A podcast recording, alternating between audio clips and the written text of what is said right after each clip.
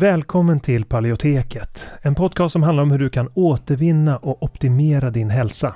Vi presenterar spännande forskning, praktiska verktyg och inspirerande berättelser som ska hjälpa dig att ta makten över din egen hälsa.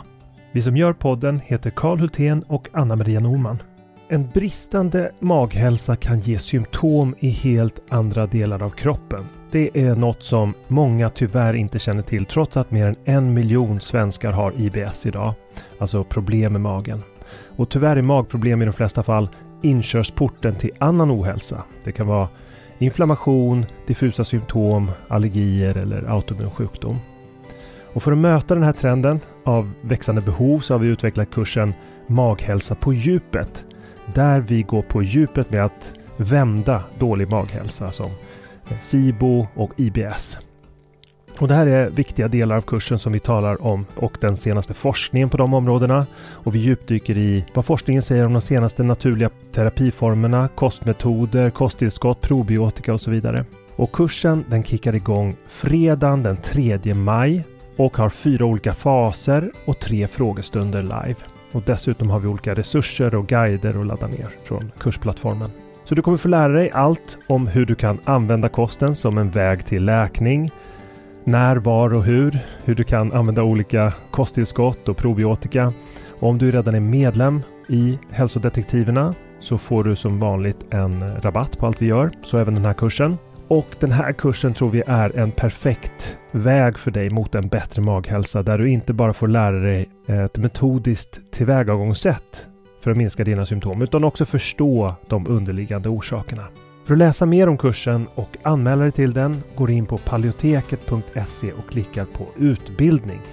Eller klicka dig vidare från länkarna i podcastbeskrivningen. Så varmt välkommen till Maghälsa på djupet. Vi ses där när kursen startar, den 3 maj. Innan vi kör igång med dagens tema vill jag påminna om att den här podcasten har ett utbildande syfte och inte utgör medicinsk rådgivning. Nu kör vi!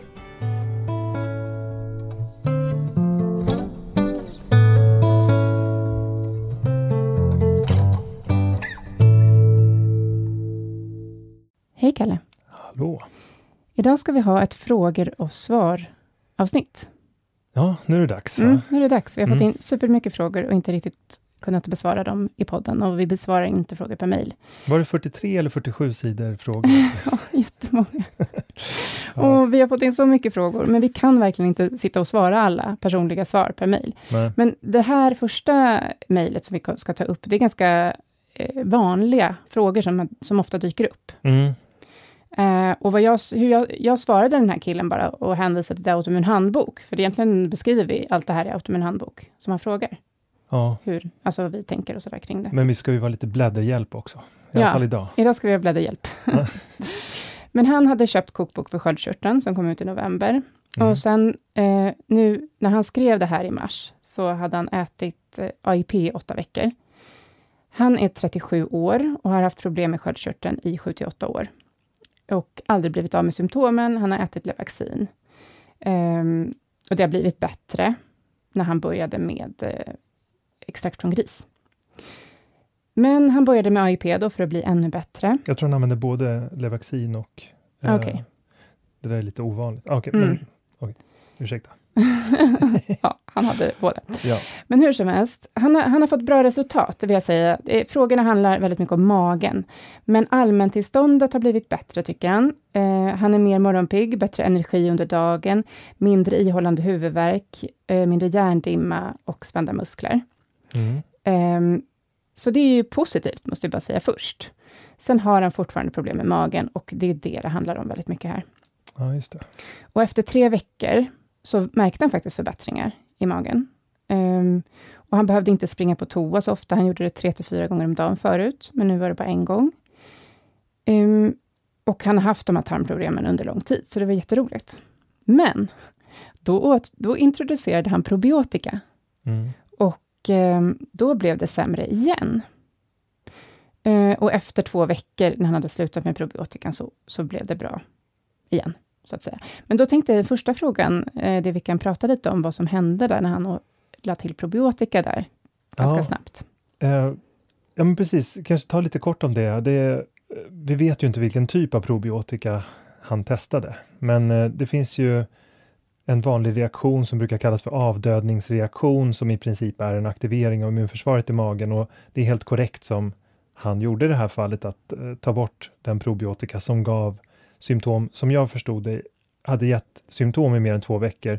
Det kan ju ha varit så att förbättrades på två veckor. Det kan ju betyda också att det var två veckor efter avslutet av probiotikan som de här negativa magsymptomen. Så det var lite otydligt där. Men om man har alltså symptom av en probiotika i två veckor, då är det helt korrekt att sluta med den. Mm. Och det är ingenting farligt eller ovanligt, utan vi, vi, vet helt enkelt att vissa personer, de är känsliga mot probiotiska bakterier. Och då kan vi återkomma lite till vad man kan göra med tanke på nästa del av frågan, mm. tänker jag. Mm. För att i nästa del av frågan där så handlar det lite om det här med gaser. Mm. Och eh, han hade försökt hitta mönster i vad som orsakade den här gasbildningen och nämnde an ett antal livsmedel som kokosgrädde, frukt, bär, olivolja, kokosolja, selleri, ingefära och gurkmeja. Mm. Och i och med att det var de som han hade kvar då, det, det, det är delar som skulle kunna vara problematiska. Eh, och Sen hade han också noterat att eh, i samband med förkylning så blev tarmsymptomen sämre. Magsymptomen blev sämre. Mm. Och där kan vi bara kort nämna att en förkylning innebär en aktivering av immunförsvaret. Och en inflammatorisk miljö i kroppen påverkar också eh, vad som händer i magen, alltså hur väl vissa typer av bakterier tåls. Så vi, vi tror väl att det kan ske en påverkan på tarmfloran baserat på förhöjd inflammation.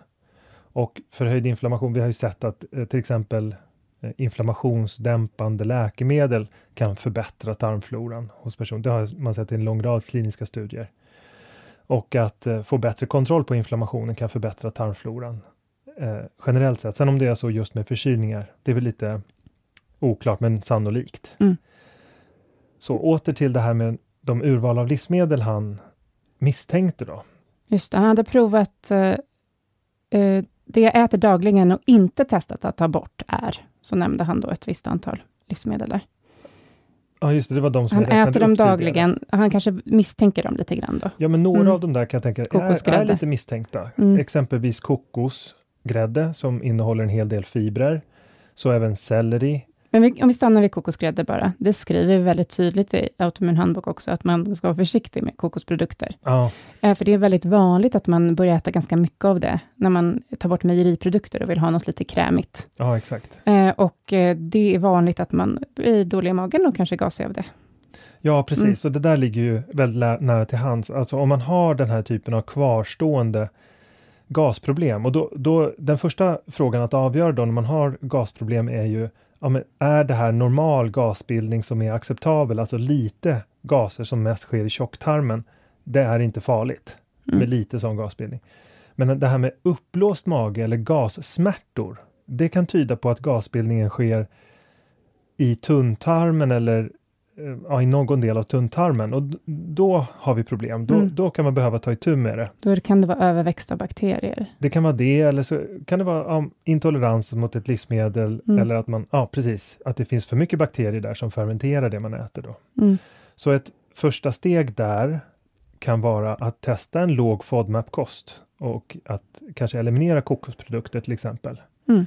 Och då, där ingår en del frukter och bär och kokos och så som han redan hade testat kolsorterna. Men i och med att han inte hade testat de här övriga så kan det vara att mm. de här symptomen som fortfarande kvarstår härrör från något av de övriga livsmedlen. Det är osannolikt att det är olivolja och kokosolja som brukar inte orsaka gaser. Mm. Men och, så som vi, som vi föreslår är ju att man kan, eh, vi har en jättedetaljerad lista i en handbok på alla kolhydratkällor i AIP. Mm. Och då så står det där vilka som har höga nivåer av FODMAPs. Så att man, att man liksom kan kika där och sen så lokalisera lite, har man ätit dem, de dagarna man är gasig. Precis, och använda, mm. vi har en kolhydrattabell också med varje livsmedel, så man kan se vad, om det är någon som man hittar genom sin mat och symptomdagbok, mm. hittar ett livsmedel som tycks orsaka gaser, då kan man gå in i den tabellen och se vad finns det för specifika sockerarter där mm. och hitta ledtrådar. Det är, så man kan alltså använda mat och symptomdagboken tillsammans med autoimmun handbok mm. på det viset. Mm. Uh, men det uh, ja, vi ska inte gå vidare med det, men an, en andra strategi ifall låg FODMAP eller den här typen av eliminering inte tycks funka, det skulle kunna vara att gå vidare till ännu längre till en karnivorkost. Mm. Och då brukar då brukar ju de sista, eh, alla typer av gasproblem brukar försvinna för nästan alla då. Mm.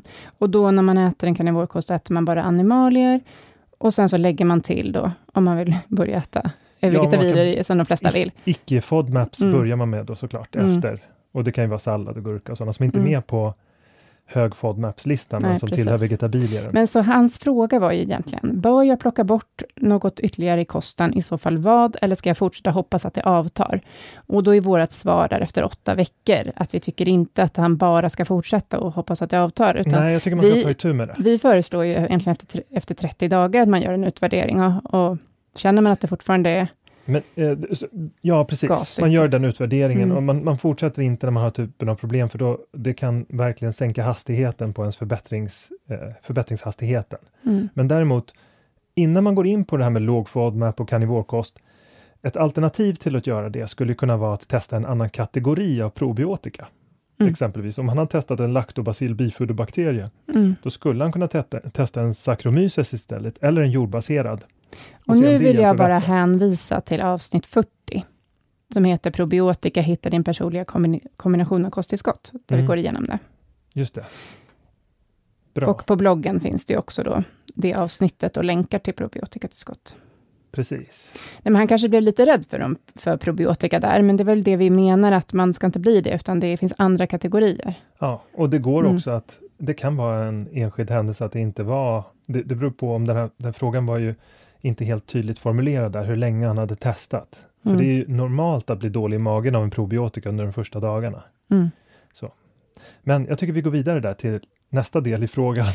Eh, ska vi gå vidare till återintroduktionsfrågan? Ja, precis. Mm, och då undrar ju han, att han hade ju tänkt börja återintroducera enligt planen i boken efter tre månader, men nu undrar han hur han ska göra.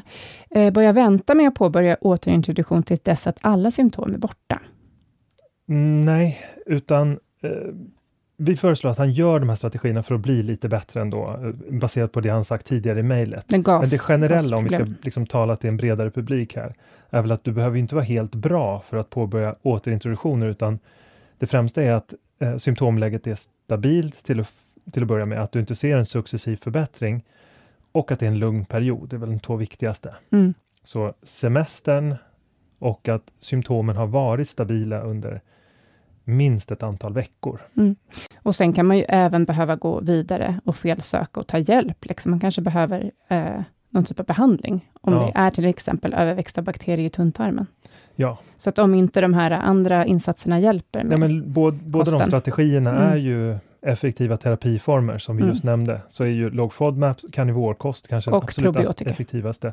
Så allt det vi har pratat om i de, det vi har föreslagit, har mm. ju att göra med att rå på just SIBO. Ja. För att sannolikt är det SIBO som han har, eftersom i en majoritet av fallen, när man kollar på den kliniska forskningen kring sambanden mellan IBS och SIBO, så är det ett så stort överlapp så att man kan nästan misstänka att det, mm. att det är samma sak mm. i princip. Yes, och sen var det egentligen tredje temat. Och det handlar om eh, medicinering. Mm. Mina, mina värden ligger stabilt på en bra nivå, eh, så som innan jag började med AIP, och jag funderar därför på hur jag ska göra med Lavaxin. Mm. Eh, jag har en kollega eh, som har genomgått en process som har minskat dosen, trots att värdena inte förändrats. Och det var då som sköldkörteln vaknade till liv, och sedan dess har de stadigt kunnat minska dosen steg för steg. Är det, net, är det något som ni skulle rekommendera att testa? Um, det är ju jätteintressant, en väldigt intressant observation att sköldkörteln kan komma igång igen. Men det här är ett outforskat område för oss egentligen. Och jag kommer att tänka på en studie som, jag, eh, som kom 2018, som jag refererat till tidigare, där, där man tog 219 personer med, som gick på Levaxin och så tog man helt enkelt bort deras behandling. Och eh, efter 68 veckor så hade då 177 personer fullt normal sköldkörtelfunktion, alltså 60 procent av dem. Och det som egentligen avgjorde vilka som återfick funktionen och vilka som inte fick det var hur stor ärrbildning det var baserat på ultraljud. Det var det man kunde se skillnaden på. Så de personer som hade en stor ärrbildning och större skador, gamla skador på sin sköldkörtel, hade då mindre förmåga att återfå funktionen.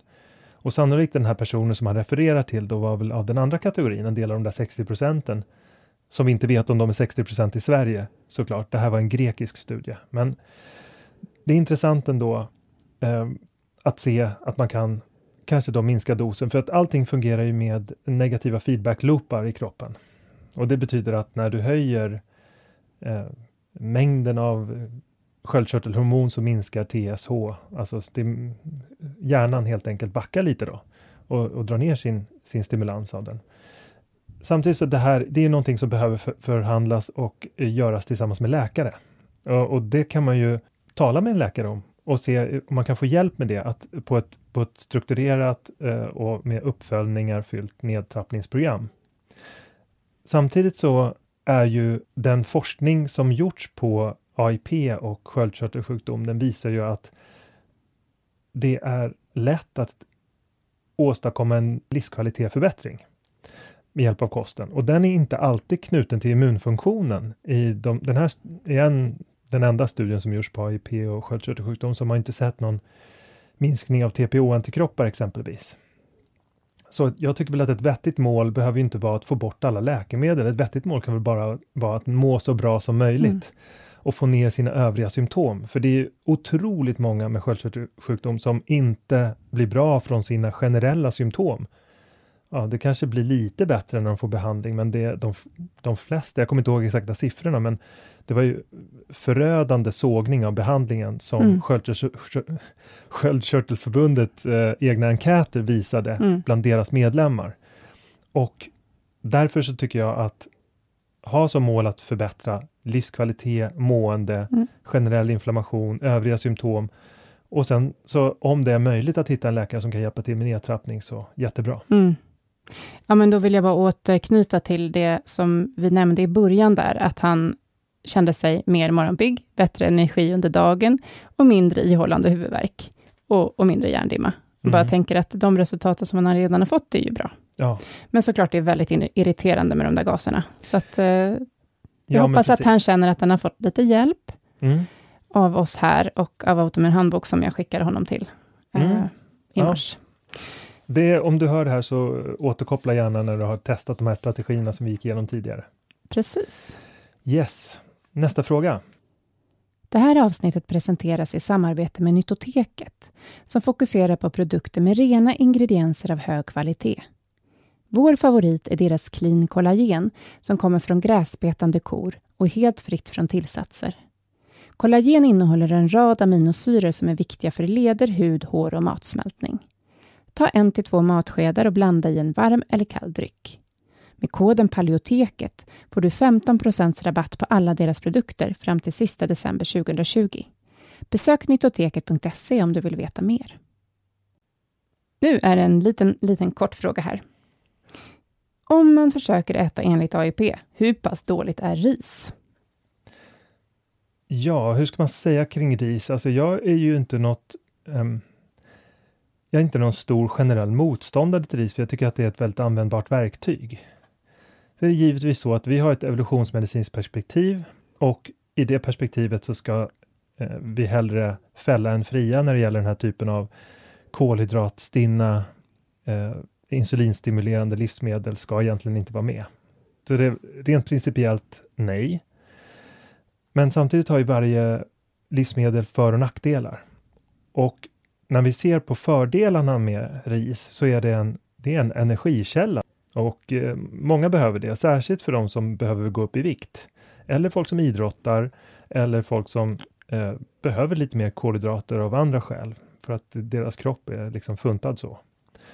Så det är det ena, det, det, det är en energikälla, det kan vara bra för viktuppgång, det, kan, det är lågallergent, det, innehåll, det är väldigt ovanligt med allergier och det är därför ofta risprotein eller ris är med i eh, lågallergen kattmat och hundmat och sånt där som man kan få när, när hundar eller katter får olika typer av sjukdomar, njursten och så vidare. Då kan ris ofta vara en ingrediens i deras eh, tillfriskningsfoder. Och det är, är den för att det är lågallergent, så är det också för människor. Och sen är det gott och det är billigt. Mm. Nej, men det är också ett, eh, vi använder det ofta som verktyg också i AIP-kosten. Mm. Alltså sådär för folk som får problem med fibrer, men fortfarande behöver få i sig kolhydrater. Exakt. Så lägger vi till ris som en första återintroduktion för den gruppen. Så, och den grupp som också går ner i vikt. Mm. Så det är två grupper som vi ändå tycker, och det, vi tycker ändå inte att man ska ha med det från början, men upptäcker man att man har de problemen, Nej. så, så kan man lägga till det. Ja, men så- vissa har ju väldigt problem med blodsocker, och då kan det vara väldigt dåligt med ris. Ja, precis. Och för vissa så är det liksom förödande. En del får ju liksom allvarliga magproblem av då det kan göda SIBO och sådär som alla andra kolhydrater. Men ofta så absorberas ju ris som är rent glukos i den övre delen av tunntarmen och orsakar inte för de flesta SIBO och sådär. Mm. Men vid sidan av det där så är det ju väldigt till nackdelarna då kan man väl säga. Det är väl samma som fördelarna, att det, det är aptitstimulerande. Och det är en av orsakerna till att det orsakar viktuppgång, särskilt när man har det tillsammans med fett och så. Mm. Det kan ju vara en nackdel också för de som vill gå ner i vikt, för i och med att det är aptitstimulerande och lä- man lägger på sig vatten, man lägger på sig lite extra eh, vikt då, kroppsvikt som kanske höjer blodtrycket lite grann då om man har problem med det. Mm. Men eh, sen är det väl det främsta problemet som är det här med arsenik och det är vissa former av ris som har det tyvärr. Och botemed, eller lösningen på det är ju att koka som man kokar pasta ungefär, att koka ris precis som man kokar pasta. Och det gäller väl om man äter ofta, annars det, kan man nästan strunta i det för det är så små mängder så det orsakar inte Mm. några negativa hälsoeffekter, men det kan vara lite känsligt när det gäller barn. Då. Barn ska inte äta ris varje dag som är kokt på det där vanliga gamla sättet. Nej. Så. Sen Mm. kom det en till fråga från samma person. Ehm, och hon undrar eh, om vi har någon er- erfarenhet av tamari glutenfri sojasås. Den är ju visserligen gjord på sojabönor, säger hon. Mm. Ja, Alltså, alltså, hon kanske inte frågar utifrån AIP, utan nu är det liksom utifrån ja, hälsoperspektiv. det då. krävs ju då Mm. en, en återintroduktion av det. Men det, det På AIP, men, men Ja, precis. generellt. På AIP. Generellt sett så kan man säga att tamari som då är äkta japansk soja, precis som eh, kinesisk äkta soja så tillverkas det på ungefär samma sätt, i samma ingredienser. Och de ingredienserna är ju då sojabönor, vatten och eh, i, i tamarifallet så är ju vatten och sojabönor och havssalt de enda ingredienserna, så det är naturligt glutenfritt då. Och det får jäsa på en träfat och sen så extraheras det och kanske kryddas i efterhand. Det innehåller alltså inget gluten och det innehåller inte så mycket växtöstrogener heller efter den här jäsningsprocessen, så det är inte några problem med den. Det är en väldigt bra smaksättning då. Och det, i det sammanhanget så vill jag också nämna de här sojasåserna, som de, den klassiska kinesiska sojan som också har vete i sig. Att den har Livsmedelsverket testat. De har gjort omfattande testning eftersom de får in så mycket frågor om det eh, nu. Eh, får ju Livsmedelsverket göra sådana mätningar. Då gjorde de mätningar både på japansk och kinesisk soja. Egentligen alla kommersiella märken, men, men framförallt jag, de jag vet har varit med är eh, Cheng, de här eh, Kikkoman har varit med och eh, Mr Cheng, det är de två största producenterna. Men i princip alla de andra förmodligen också. De tillverkas på samma sätt. De är alltså jästa och det finns inget gluten kvar i någon av dem, så till och med glutenintoleranta eller celiakipatienter kan äta dem utan problem. ska vi rekommendera det?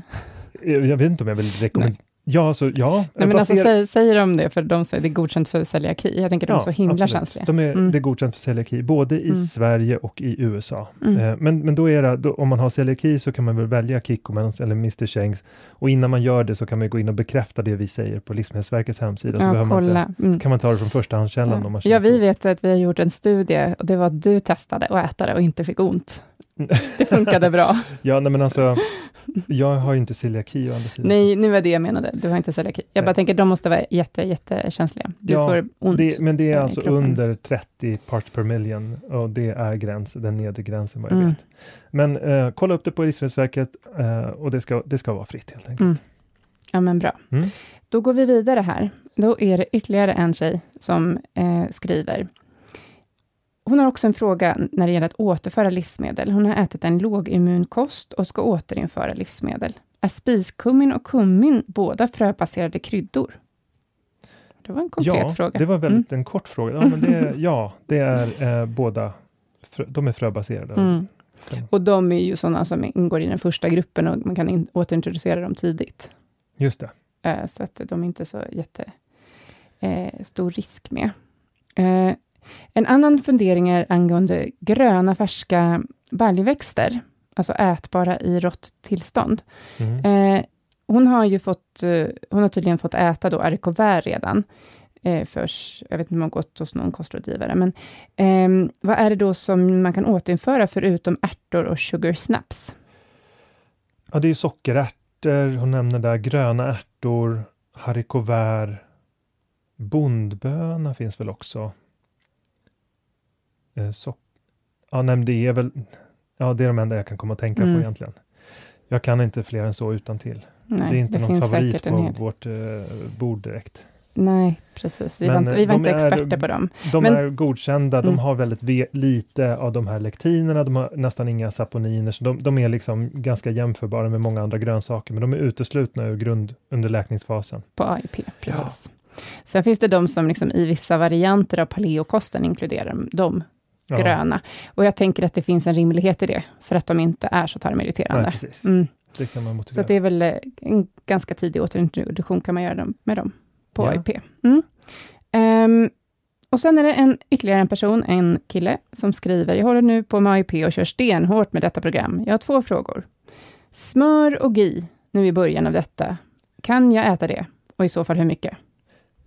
Ja, nej, det var jättelätt. Det- Svaret är ju nej på den frågan, utan där är det bättre att välja eh, olivolja och kokosolja, ister och eh, talg istället under läkningsfasen.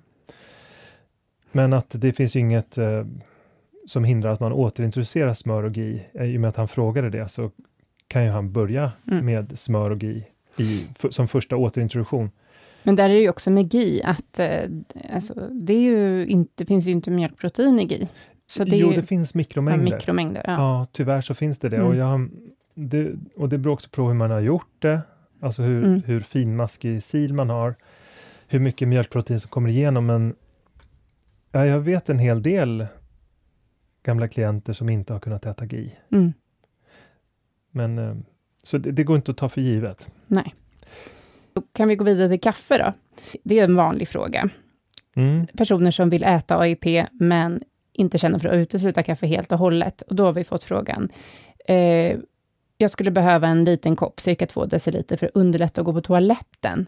Är hela kostprogrammet lönlöst om jag gör detta, eller får man de positiva effekterna ändå? Jag skulle föreslå att, um, det, ja, men till att börja med, får man de positiva effekterna ändå? Ja, det kan man få. Man kan få väldigt goda positiva effekter av eh, kostprogrammet utan att lägga ner kaffe helt. Samtidigt så har jag sett att det för vissa personer kan, kan vara en ordentlig hämsko. Och anledningen till det är ganska tydlig om man kollar lite närmare på forskningen kring vad som händer med tarmbarriären när man dricker kaffe. Och något som jag inte har pratat om tidigare, jag har pratat lite om inflammation och sådär, att eh, kaffe kan eh, orsaka ångest och stress, eh, sömnproblem och att det kan eh, öka förekomsten av, av, eh, av sår i, på, i magsäcken och sådär på grund av ökad syraproduktion. Det är några saker, men när de har testat då, de tog en grupp eh, friska frivilliga kaffedrickare i en studie. Och så hade de en kontrollgrupp som var lika stor och utsatte dem då för en sån här sockerlösning som man dricker. Sen tog man urinprov efter fem timmar och kollade med en massspektrometer på de här sockerarterna. Och då visade det sig att de här personerna som drack eh, kaffe då regelbundet hade en, eh, ett läckage i sin tarmslemhinna som var drastiskt annorlunda jämfört med friska frivilliga som inte drack kaffe. Och vad det betyder, det är ju att mukosan, alltså tarmens, tarmväggen skadas. Ja, hos, och den är lite skadad hos friska frivilliga kaffedrickare. Och det talar ju emot att det, det, det är alltså inte en bra idé att ha med kaffe generellt sett. Och kan man sluta med det så är det jättebra. Mm. Och jag håller just nu på att sätta ihop lite av ett program, ett flerstegsprogram för hur man ska kunna åstadkomma det. Och det finns inte klart än, men jag tycker ändå att jag, ja, men rent personlig reflektion där, som jag tror jag inte har pratat så mycket om, men jag slutade med kaffe för några månader sedan för typ hundrade gången. Och en sån där effekt som jag noterade, förutom att jag blev av med den här klumpkänslan i magen, var ju att eh, jag plötsligt inte får ont i huvudet längre av choklad till exempel. Mm. Och vad finns det i choklad? Ja, men det är fullt av polyfenoler eh, som, som är, kan ha en kärlpåverkande effekt i chokladen. Jag tror vi har gått igenom den tidigare, men, men att tarmväggen är öppen eller stängd har ju en avgörande inverkan på hur mycket av det där som man absorberar. Så att eh, jag tycker svaret är ganska enkelt. Det bästa är att gå över till te om man kan och det absolut bästa få bort koffeinet. Mm, och det är det som jag sätter ihop ett eh, flerstegsprogram för jag tror att det är det som är själva nyckeln till att det blir långsiktigt framgångsrikt. Precis. Men sen så man, måste man också säga att om det är så att förutsättningen för att du ska äta AIP är att du får ha kvar kaffet, Mm. då ska du ha kvar kaffet. Vi vill hellre ha kvar dig i, i AIP-gänget. Nej, men alltså det, så, så är det ju ändå. absolut. Alltså så, här, för det, så är det väl med ganska många livsmedel. Att Ja. så här, om det är förutsättning för att du ska testa ett kostupplägg, att du har kvar någonting, Ja, ja, så är det bättre att du har kvar det. Jag menar, kaffe är ju kraftigt stimulerande. Mm. Dopaminproduktionen slår i taket när vi dricker kaffe. Så det, det, jag förstår ju att folk inte vill bli av med Ja. det. Och som jag sa precis innan jag började såga kaffe, så, Mm. så är det ju fullt möjligt att få jättebra resultat med Mm. det. Jo, men sen vill jag också återknyta till en person i vår kursgrupp, som berättade häromdagen när vi hade en här live-webinar, att hon hade sovit åtta timmar om natten för första gången sedan hon var barn. Ja, Alltså åtta timmar per natt. Och hon har, har haft... hon har aldrig gjort det. hon har förut. aldrig gjort det sedan hon Nej. var barn. Och det känns ju också så otroligt bra för läkning, ja, att hon får sova åtta timmar. Sömnproblem har bekräftats som en bieffekt av kaffe. Mm, Och det där är som all, nästan alla kommer upp i de doser som påverkar sömnen negativt. Så det är nästan så här, om man säger att ja, men det är dosrelaterat, så lite kaffe inga problem, det påverkar inte sömnen. Ja, men tittar man på de mängder som de flesta dricker så påverkar det visst. mm. Ska vi Men gå bra. vidare? Nej, men vet du vad jag tycker? Jag tycker att vi rundar av där nu. Ska vi inte prata ashwagandha? Ashwagandha. Jo, vi tar ashwagandha också, för det var samma person. Men sen tänkte jag Okej. att vi kan runda av det här frågeavsnittet. Vi kan göra Okej. fler frågeavsnitt. All right, vi tar så- flera Det är sen. jättekul. Mm. Jag råkade häromdagen också äta ashwagandha-pulver, vilket, vilket jag senare insåg var en nattskuggeväxt och alltså inte tillåtet att äta på AIP. Hur stor effekt har sådana små misstag i det stora hela? Måste man börja om från början i minsta lilla snedsteg? Förmodligen inte börja om från början. I de flesta fall behöver man inte börja om från början. Men, men det är väldigt, också väldigt individuellt vad som händer. Och det avgörs av saker som vad är det för preparat? Alltså vilken är tillverkaren? Hur biologiskt aktivt är det? Och för andra, hur um, sker aktiveringen i magen av immunförsvaret? Alltså hur reagerar man på just den? För att ashwagandha som då egentligen Eh, det kommer från en växt, det brukar kallas för indisk... Eh, eh, det, eh, ja, det brukar kallas för Vitania somnifera. Det används för en lång rad medicinska tillstånd. Och det har inte testats kliniskt på så många, det finns inte så bra evidens på det, men det är väldigt vanligt i den indiska medicinen. Traditionen. Och vi vet att det innehåller en lång rad eh, alkaloider och det innehåller en lång rad saponiner. Och det man då vet om interaktionen med immunförsvaret är ju att det kan orsaka en B-cellsaktivering. Så att det, det kan förändra B-cellernas funktion helt enkelt och öka uttrycket av interferon gamma, vilket inte Men vänta, är bra. nu måste vi tolka lite så här. Först så pratar de om att det innehåller eh, antinutrienter, alltså Ja. de här antinäringsämnena. Och sen beskrev du T-celler. Det är alltså en typ av immuncell. i Ja, men precis. Att de, de här antinutrienterna interagerar med immunförsvaret. Mm, med Och- immuncellerna. Och det gör de Mm. genom att de kan perforera eller tas upp aktivt i, genom tarmväggen och få den att läcka förmodligen. Och att det här används som ett läkemedel, det kan ha att göra med flera saker, att det kan förändra immunfunktion. Det är ju någonting som gör att vi, dis- vi brukar diskvalificera den typen av läkemedel som har inflammationsskapande, potentiellt inflammationsskapande, i alla fall immun, immunförändrande egenskaper på det här sättet. Och om det är kört liksom eller inte, förmodligen är det inte det för att det brukar vara ganska små mängder, man sparar på de här växterna, man extraherar, det sker saker i processningen, det kanske inte är så farligt.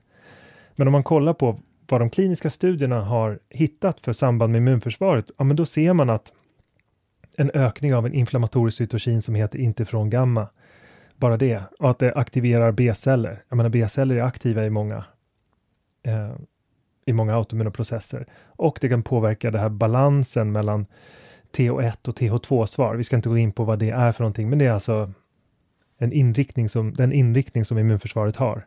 Så man kan säga att det, det muckar med immunförsvaret på olika sätt. Mm. Så att det är På ett sätt något som man inte vill om man har en autoimmun sjukdom. Nej, precis. Och det är därför Men- som jag också har varit lite tveksam till några andra, som till exempel gurkmeja, som för vissa har en positiv inverkan, men det finns också andra som får inflammationspåslag av det. Mm. Det är inte antiinflammatoriskt generellt hos alla Nej. och så. Då kan vi sammanfatta detta med individanpassning är nyckeln till framgång. Ja, För det är det vi försöker förmedla. ja, Att vi har ju det här, de här kostuppläggen, eh, men det är alltid liksom, nyanser i det. Alltså både för vad som funkar för en person rent eh, liksom, mentalt, men också vad, hur kroppen reagerar på olika. ja och sen att det, att eh, det här med, som man på engelska kallar för keep it simple stupid, eh, liksom, försök inte, eh, försök att förenkla, jag menar, kosten är ju ofrånkomligen komplex. I och med att vi lever komplexa liv, vi är dessutom biologiska varelser och biologiska varelser är alltid komplexa på olika sätt. Det är svårt att hitta sambanden. Och därför så ska man inte blanda in för många obekanta. Det, det, det, är en väldigt bra strategi som vi har inom AIP att försöka reducera de potentiella bovarna. Så att därför så försöker vi undvika att slänga in för mycket så här kosttillskott och Mm. naturläkemedel, särskilt under läkningsfasen. Mm. För att, för att under läkningsfasen så vill man ju också kunna känna hur kosten påverkar. Om Mm. man slänger in alla de här aktiverande liksom, ämnena, så, så vet man inte heller vad kosten har gjort Nej. och vad kosttillskotten har gjort. Nej, precis. Mm. Och på den så kanske vi ska Då slutar vi, eller ska vi Ja. sitta här och prata om det här 49-sidiga dokumentet Nej, men jag hela tycker vi kvällen? gör det här igen snart. Ja, det gör vi. Yes. Ja. Mm. Hej då! Hej då! Tack så mycket för att du har lyssnat på det här avsnittet av Paleoteket. Vi hoppas att det har varit till nytta för dig. Om du vill få hjälp att uppnå dina hälsomål står vi redo att hjälpa dig. Vårt medlemskap Hälsodetektiverna är en gemenskap online där du träffar likasinnade, får hälsoinspiration hela året och kan ställa frågor direkt till oss på våra medlemsseminarier. Nu under våren startar också två onlinekurser. AIP Masterclass är kursen för dig som vill lära dig allt du behöver veta om kostupplägget AIP, autoimmunprotokoll, samtidigt som du blir guidad genom en stegvis process med både läkningsfas, utvärdering och återintroduktioner. Sen har vi kursen Maghälsa på djupet som riktar sig till dig med IBS och misstänkt eller konstaterad SIBO. Vi fokuserar helt på vad du kan göra med kost, livsstil och strategiskt utvalda kosttillskott. För dig som föredrar att läsa finns också våra fyra böcker. Besök paleoteket.se för att veta mer och glöm inte att prenumerera på vårt nyhetsbrev. Du hittar länkar i beskrivningen till podcastavsnittet.